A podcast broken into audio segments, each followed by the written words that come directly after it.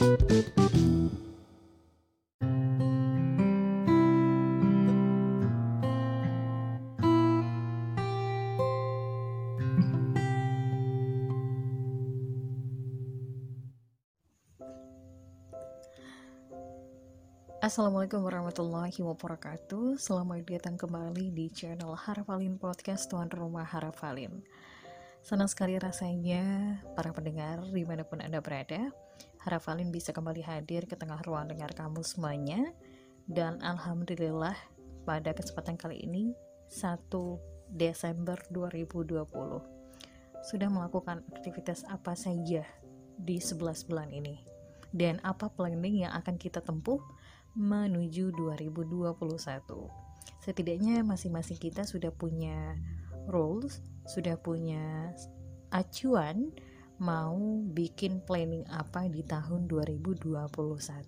Persiapan apa yang sedang kita rampungkan di tahun 2020 ini. Nah, mengingat masa Covid yang sampai saat ini masih menjadi dilematis kita bersama di mana kalau berdasarkan hasil survei gitu ya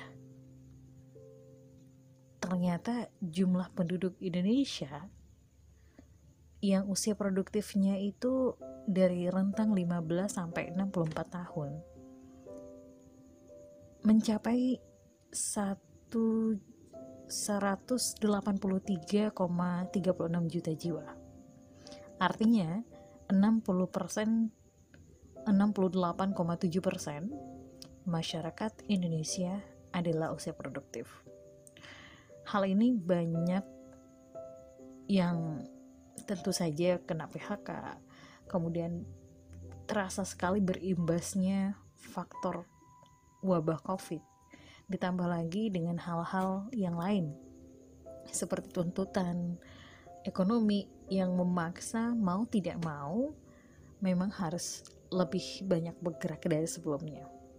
Sektor-sektor real dan juga sektor retail sudah mulai terlihat lumpuh dan bahkan banyak di antara saudara-saudara kita yang juga merasakan efek dan dampak yang sangat signifikan dan ini memacu sebuah pola dan habits baru tentang kehidupan yang lebih didominasi oleh hal-hal yang hanya bersifat instan saja.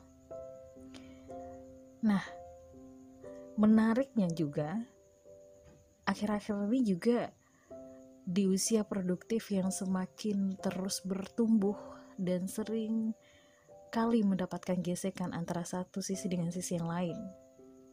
Kita mengenal dengan istilah quarter life crisis di mana kata ini paling populer diucapkan pada masa saat sekarang ini. Kita sama-sama tahu bahwa usia pertengahan sekitar 20 sampai 30-an adalah masa yang penuh dengan ujian, masa yang penuh dengan sebuah dan bahkan banyak tantangan yang bisa saja kalau misalnya kita simpulkan ini adalah bagian dari quarter life crisis. Nah, bagi sahabat di mana pun berada yang juga sedang menyimak bisa jadi lebih banyak informasi-informasi yang sahabat dapatkan tentang quarter life crisis ini. Cuma setidaknya perkenankan saya untuk sedikit mengulas mengenai quarter life crisis yang saat ini belum bisa kita lari dari sana. Nah, kalau ya, kalau misalnya quarter life crisis ini adalah sebuah metode di mana untuk menggambarkan kehidupan yang membuat kita sering merasa ragu, merasa cemas, dan bahkan bingung dengan tujuan hidup yang sesungguhnya. Dan biasanya, kondisi ini akan membuat kita menyadari bahwa ada satu hal yang harus kita ubah dalam hidup kita. Namun, kita tidak tahu apa dan bagaimana caranya untuk memulainya gitu. Bahkan keadaan tersebut akan membuat kita merasa kebingungan dan tak jarang kita merasa kesepian, bahkan kita merasa tertekan. Dan kondisi ini juga merupakan sesuatu yang wajar sih sebenarnya. Terutama terjadi kepada diri kita gitu. Khususnya saya nih. Saat menginjak usia 20-an gitu ya. Saya merasakan kegam kegamangan. Kemudian sekarang usianya sudah melewat di angka 25 tahun. Bahkan itu menunjukkan bahwa emosionalnya sudah mulai nggak karuan gitu. Di usia kita yang sudah 20 ke atas harusnya sudah tidak mengontak orang tua ya untuk memberikan uh, pencerahan berupa uang saku gitu. Tapi bagaimana kita bisa mandiri dengan finansial kita sendiri? Nah dari sebuah data yang pengen saya pengen saya ungkapkan ke sahabat pendengar semuanya dalam sebuah survei yang dilansir oleh Lifehack di mana 75% dari ribuan orang yang berusia 25 hingga 33 tahun di seluruh dunia mengaku pernah mengalami quarter life crisis dengan rata-rata terbanyak adalah di usia 27 tahun. Dan untuk mengatasinya ini dibutuhkan banyak sekali tahapan yang tentunya tidak mudah dan kita harus menjalaninya by step, step by step proses dan uh, bagaimana upaya untuk mengatasi tersebut secara alami. Kemudian seorang mindset coach asal Australia yang bernama Deb Johnston juga pernah menuliskan dalam artikelnya uh, beberapa cara yang bisa kita lakukan untuk mempermudah kita dalam menghadapi quarter life crisis dan hal tersebut sekaligus mengajarkan kita bagaimana caranya untuk menerima kondisi tersebut dengan lapang dada. saran yang diberikan itu di antaranya adalah yang pertama jangan pernah membandingkan quarter life crisis kita pribadi dengan orang lain karena hal ini bisa ditandai ketika kita sudah melakukan kerja keras. Namun di akhirnya kita masih merasa tidak puas dengan hal yang kita lakukan tadi. Kita selalu merasa kecewa dengan diri sendiri. Kemudian ketika sudah memiliki pekerjaan yang sesuai dengan harapan kita, ternyata kinerja kita di kantor uh, cukup membuat kita masih merasa jalan di tempat. Dan dibalik itu semua, kita lebih cenderung untuk duduk sendirian dan bahkan kita menggunakan waktu luang untuk melihat timeline di sosial media, kemudian melihat kehidupan teman-teman kita yang ternyata justru kehidupan mereka lebih indah daripada kita. Nah, gitu. Dengan mengetahui hal ini, padahal kondisi di sosial media belum benar gitu. Bisa jadi teman-teman kita juga sedang mengalami krisis yang sama, hanya saja mereka pandai untuk menutupinya gitu. Karena pada dasarnya quarter life crisis yang terjadi pada setiap orang itu berbeda-beda dan setiap orang akan menghadapinya dengan cara yang berbeda-beda pula gitu. Kemudian untuk yang kedua adalah dengan mengusahakan untuk tidak mengikuti standar dalam hidup kita. Terutama standar dalam lingkup sosial gitu. Nah, semisalnya jika kita sering berpikir bahwa seharusnya saya gini ya gitu. Seharusnya saya melakukan ini. Nah, hal itu justru malah membuat kehidupan kita standar kita itu ditentukan oleh orang lain.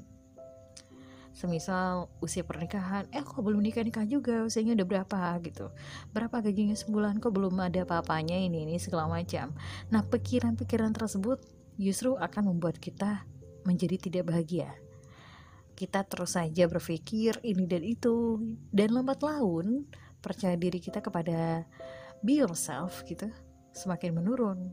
Dan bisa saja ya bisa saja kita malah menjadi frustasi.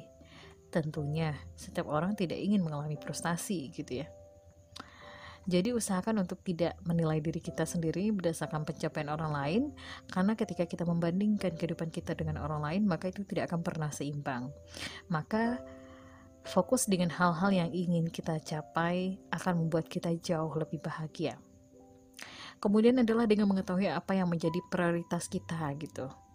Tanyakan kepada diri kita sendiri hal apa yang benar-benar menjadi prioritas kita saat ini.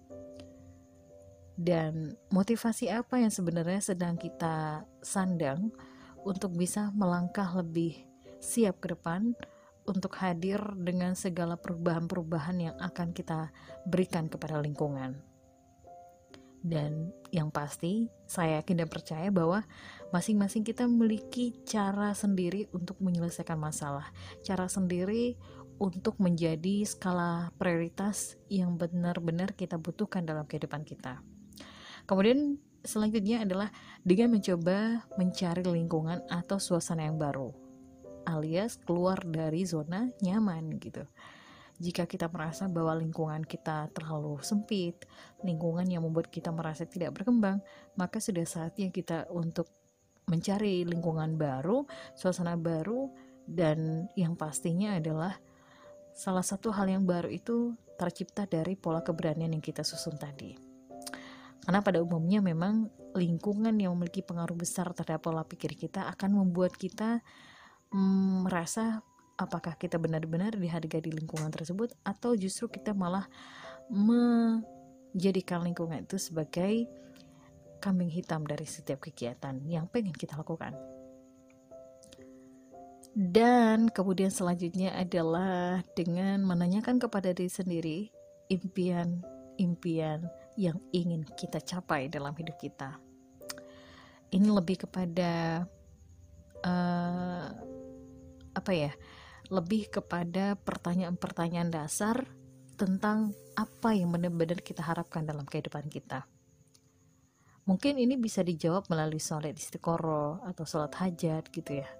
Atau berdoa di tengah malam saat semua orang tidur, maka dari sana kita akan menggali potensi yang ada dalam diri kita, apa yang benar-benar kita butuhkan, dan apa yang benar-benar menjadi impian terbesar kita dalam hidup ini.